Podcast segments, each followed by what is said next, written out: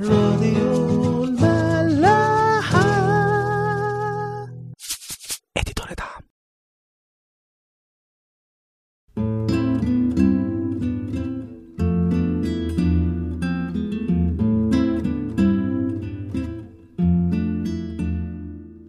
مساء الخير. أهلا بيكم في حلقة جديدة ونتمنى ما تكونش طويلة من عيش وملح. كلمتنا ميرا آخر مرة عن سلطان المسيح على الطبيعة في معجزة تهدئة العاصفة. المرة دي هنشوف سلطان من نوع جديد. آه، قراياتنا النهارده للي حابب يتابع يعني في الإنجيل هتكون من متى 7 28 ل 34 ومرقس 5 آه، 1 ل 20 ولقى 8 26 ل 39 خلونا نقرأ من لقى مع بعض. زي ما قلنا لقى 8 أعداد 26 ل 39 وصاروا إلى كورة الجدريين التي هي مقابل الجليل. ولما خرج إلى الأرض استقبله رجل من المدينة كان فيه شياطين منذ زمان طويل وكان لا يلبس ثوبا ولا يقيم في بيت بل في القبور. فلما رأى يسوع صرخ وخر له وقال بصوت عظيم ما لي ولك يا يسوع ابن الله العلي أطلب منك أن لا تعذبني. لأنه أمر الروح النجس أن يخرج من الإنسان. لأنه منذ زمان كثير كان يخطفه وقد ربط بسلاسل وقيود محروسا وكان يقطع الربط ويساق من الشيطان إلى البراري. فسأله يسوع قائلا ما اسمك؟ فقال لاجئون لأن شياطين كثيرة دخلت فيه. وطلب إليه أن لا يأمرهم بالذهاب إلى الهوية وكان هناك قطيع خنازير كثيرة ترعى في الجبل فطلبوا إليه أن يأذن لهم بالدخول فيها. فأذن لهم.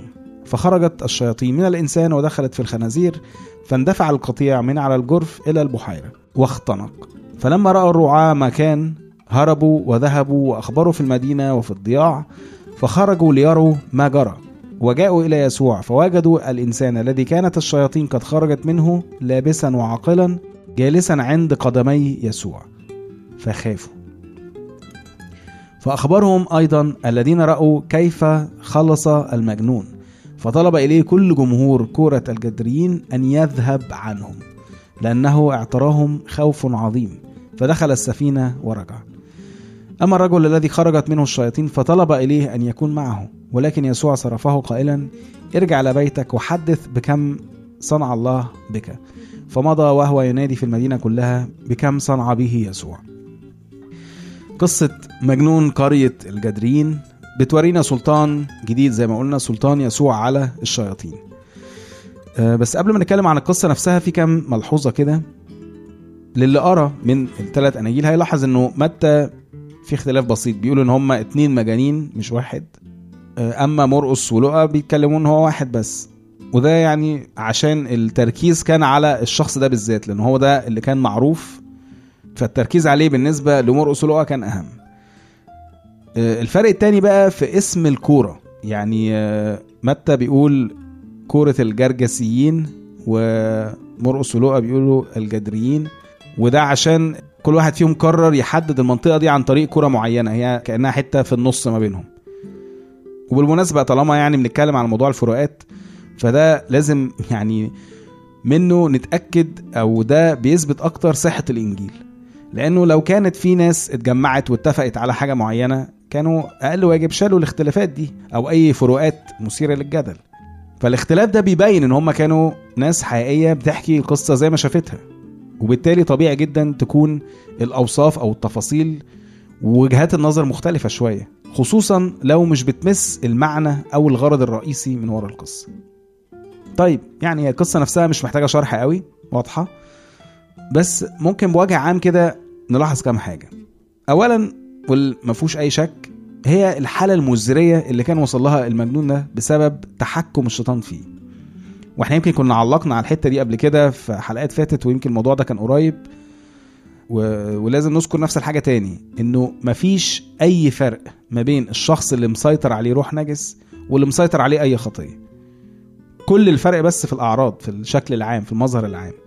إن اللي عليه روح بيبان عليه أكتر من اللي الخطية ساكنة جواه ومتحكمة فيه. ولو حللنا يعني الموضوع أكتر هنلاقي انه ده يمكن أحسن. على الأقل هو عارف والناس عارفة اللي هو فيه. الدور الباقي على اللي مخبي الخطية وبيرعاها وبيكبرها والناس تتخدع فيه. ويمكن لو قرينا الآيات المعروفة قوي في سفر الرؤيا صح 3 أعداد 15 و 16 بيقول كده أنا عارف أعمالك أنك لست باردا ولا حارا. ليتك كنت باردا أو حارا. يا ريتك باين عليك. هكذا لأنك فاتر ولست باردا ولا حارا أنا مزمع أن أتقيأك من فمي.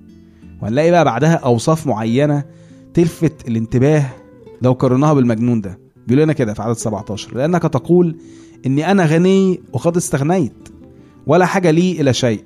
حاسس أنت خلاص ما بقتش محتاجني في حاجة. ولست تعلم أنك إيه بقى؟ أنت الشقي والبائس وفقير وأعمى وعريان. شقيان وبائس وفقير وأعمى وعريان. ويمكن كتير مننا شاف المنظر ده للناس المجانين برضو اللي بيبقوا عايشين في الشارع. فأهي نفس الأوصاف دي بالظبط ربنا بيوصفها بس مش للي عليه روح إنما لأي حد بيتكبر على كلمة ربنا وعلى احتياجه ليها والخلاصه. هو ساعتها هيبقى عامل زي المجنون ده بالظبط. فمن الآخر كده أو من, من الأول كده قبل ما نبتدي يعني نبعد الموضوع عننا ونبص له بنظرة شفقة. لا لازم نعرف إن ممكن قوي كتير مننا يبقى أجن من الشخص ده. هو كان ماله عريان مش لابس حاجة. أي واحد مش مستور بدم المسيح عن طريق إيمانه الحي بيه هيبقى عريان زي المجنون ده. ملوش بيت أي واحد بعيد عن حضن ربنا هو من غير بيت برضه. عايش في المقابر؟ ماشي. وهي إيه المقابر دي غير مكان للناس الميتة؟ واللي بالصدفة يعني كنت بتكلم عنها في آخر حلقة كتير قوي فيعني اللي حابب ممكن يرجع يسمعها. ومن الأوصاف بقى اللي اتذكرت بعد كده يقول إن هو كان واحد ما بقاش فيه أي حاجة بتربطه ولا حتى السلاسل. فيفرق إيه ده عن أي حد فينا بيتحرر من أي قيود عشان يعمل الشر ويوصل للحالة المزرية دي في الآخر؟ في غلاطيا 5 13 بولس بيقول كده فإنكم إنما دعيتم للحرية أيها الإخوة غير أنه لا تصيروا الحرية فرصة للجسد بل بالمحبة اخدموا بعضكم بعضا. كل ده بقى اللي إحنا اتكلمنا فيه ده هي مقدمة عشان ما نبعدش الموضوع عن نفسنا. يعني مش عارف هنبتدي نتكلم إمتى الحقيقة بس معلش هانت اهي حاجة كمان معلش أنا عارف إنه أكيد الناس بتتساءل فيها برضه. وهي هو ليه الشياطين طلبت تفضل في المنطقة دي؟ والسؤال التاني بقى اللي بيطرح نفسه ليه المسيح يوافق على طلبهم ده؟ السؤال الأولاني يمكن إجابته بسيطة وهيبان كمان بعدين أكتر إزاي إنه المنطقة دي كانت تربة خصبة للشيطان يشتغل فيها؟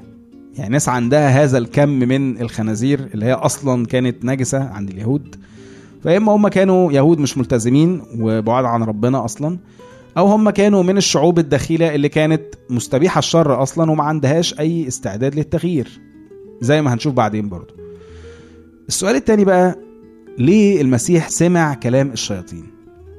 أو بقى اللي هو الشيطان المتحدث الرسمي بتاعهم زي ما شفنا. الحقيقة هو في كذا سبب. أول سبب إنه يبين سلطانه أصلا على توجيه الأرواح دي حتى ولو كانت نجسة. يعني لو نفتكر قصة شاول الملك وقت ما بعد عن ربنا يقول لنا الكتاب كده بمنتهى الوضوح في صمويل أول 16 14 وذهب روح الرب من عند شاول وبغته روح رديء من قبل الرب.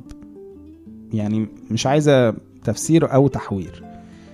بس للأسف بقى الناس لما بتبص على الموضوع ده بحس إيه ده؟ هو الموضوع بقى في إيد ربنا. طب يعني ربنا بيأمر بالشر؟ يعني ربنا جزء من الموضوع ده ولا إيه اللي بيحصل؟ إنما طبعا هو الموضوع مش كده خالص. هو كأنه ربنا بيقول كده آه يا شاول أنت رفضتني ونفتني من جواك بس حتى الروح الرديء ده أنا متحكم فيه لتأديبك ولتوضيح بعدك عني. عشان تعرف انت فين مني وتجيلي فاشفيك هو ده اللي بيحصل وده بيثبت بقى مبدأ مهم قوي كتير مننا بيقع منه إنه يا جماعة ربنا بلا أي شك متحكم في أي حاجة بتحصل في الدنيا دي. مفيش حاجة اسمها دي نتيجة طبيعية ودي ربنا لأ ملوش دعوة بيها وإنه الإنسان هو لما بيدخل الشر في أي مكان فربنا بيمشي بقى ويسيبها تضرب تقلب. لأ لأ يا جماعة الله هو ضابط الكل. وبيستعمل كل حاجة لخير الإنسان. مفيش أي حاجة بتحصل مهما كانت من غير إذن منه. ودايما لغرض واحد فقط خلاص الإنسان. كل الأشياء تعمل معنى الخير للذين يحبون الرب. يعني المشكلة أنت فين من ربنا؟ لو أنت معادي ربنا فبالتالي أي حاجة هتحصل حواليك مش هتبقى للخير أكيد. إنما لو أنت بتحب ربنا وعايز توصل له فأي حاجة هتحصل حواليك هتوصلك لربنا.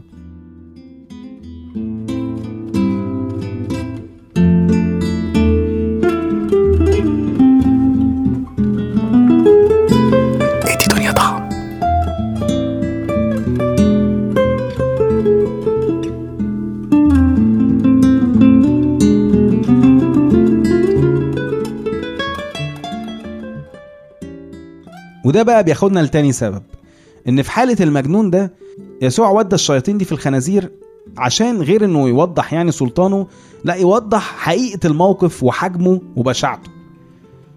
الشيطان لو ناخد بالنا بيقول له اسمه لاجئون عشان إحنا كتير. لاجئون دي يعني ليجن اللي هي كانت بتشير لكتيبة رومانية في الوقت ده. الكتيبة دي كان عددها حوالين 5000 ل 6000 جندي. فلو ده كان مثلا آه، هزي أو واحد فعلا مجنون ما فيش شيطان عليه ولا حاجة ما كانش حاجة حصلت للخنازير ما كانش لأن روح الجنون مش بتتنقل يعني. لو هي مرض نفسي زي ما كتير من الناس دلوقتي مثلا بتفسر إنه آه لا ده مجنون ده كلها حاجات أمراض نفسية بياخد لها أدوية ويبقى كويس. لا ده كان عليه شياطين بتتحكم فيه والشياطين دي لو كانوا واحد أو اتنين أو حتى عشرة كان هيروح بعددهم في الخنازير. إنما عشان يبان عددهم فعلا ويبان حقيقة وجود شيطان بيتحكم في الناس هم دخلوا بعددهم في كل القطيع الكبير ده على وصف الكتاب. ونطوا في المية وواضح طبعا إنه الخسائر كانت فعلا كبيرة لدرجة إنه الرعاة يروحوا البلد ويقوموهم على المسيح عشان يمشوا ويسيبهم. وده بقى ياخدنا للسبب الثالث المسيح كان عايز يوريهم ويورينا إزاي إن الإنسان أغلى كتير قوي من كل دول. أنتم أفضل من عصافير كثيرة. وأكيد إحنا أفضل من خنازير كثيرة برضه. أفضل من أي حاجة كتيرة لأنه الإنسان ده هو اللي ربنا عامله على صورته ومثاله. وحتى لما أخطأ وبعد عنه نزل عشان يفديه. فلما تيجي تبص لشوية الخنازير دول سواء يعني هي كانت نجسة أو لأ كانوا خرفان مثلا ما هي كانت هتموت كده كده عشان الناس تاكلها. بس للأسف الناس بقى بتفرح إنها تملى بطنها بايا كان إيه عن إنهم يشوفوا خلاص إنسان.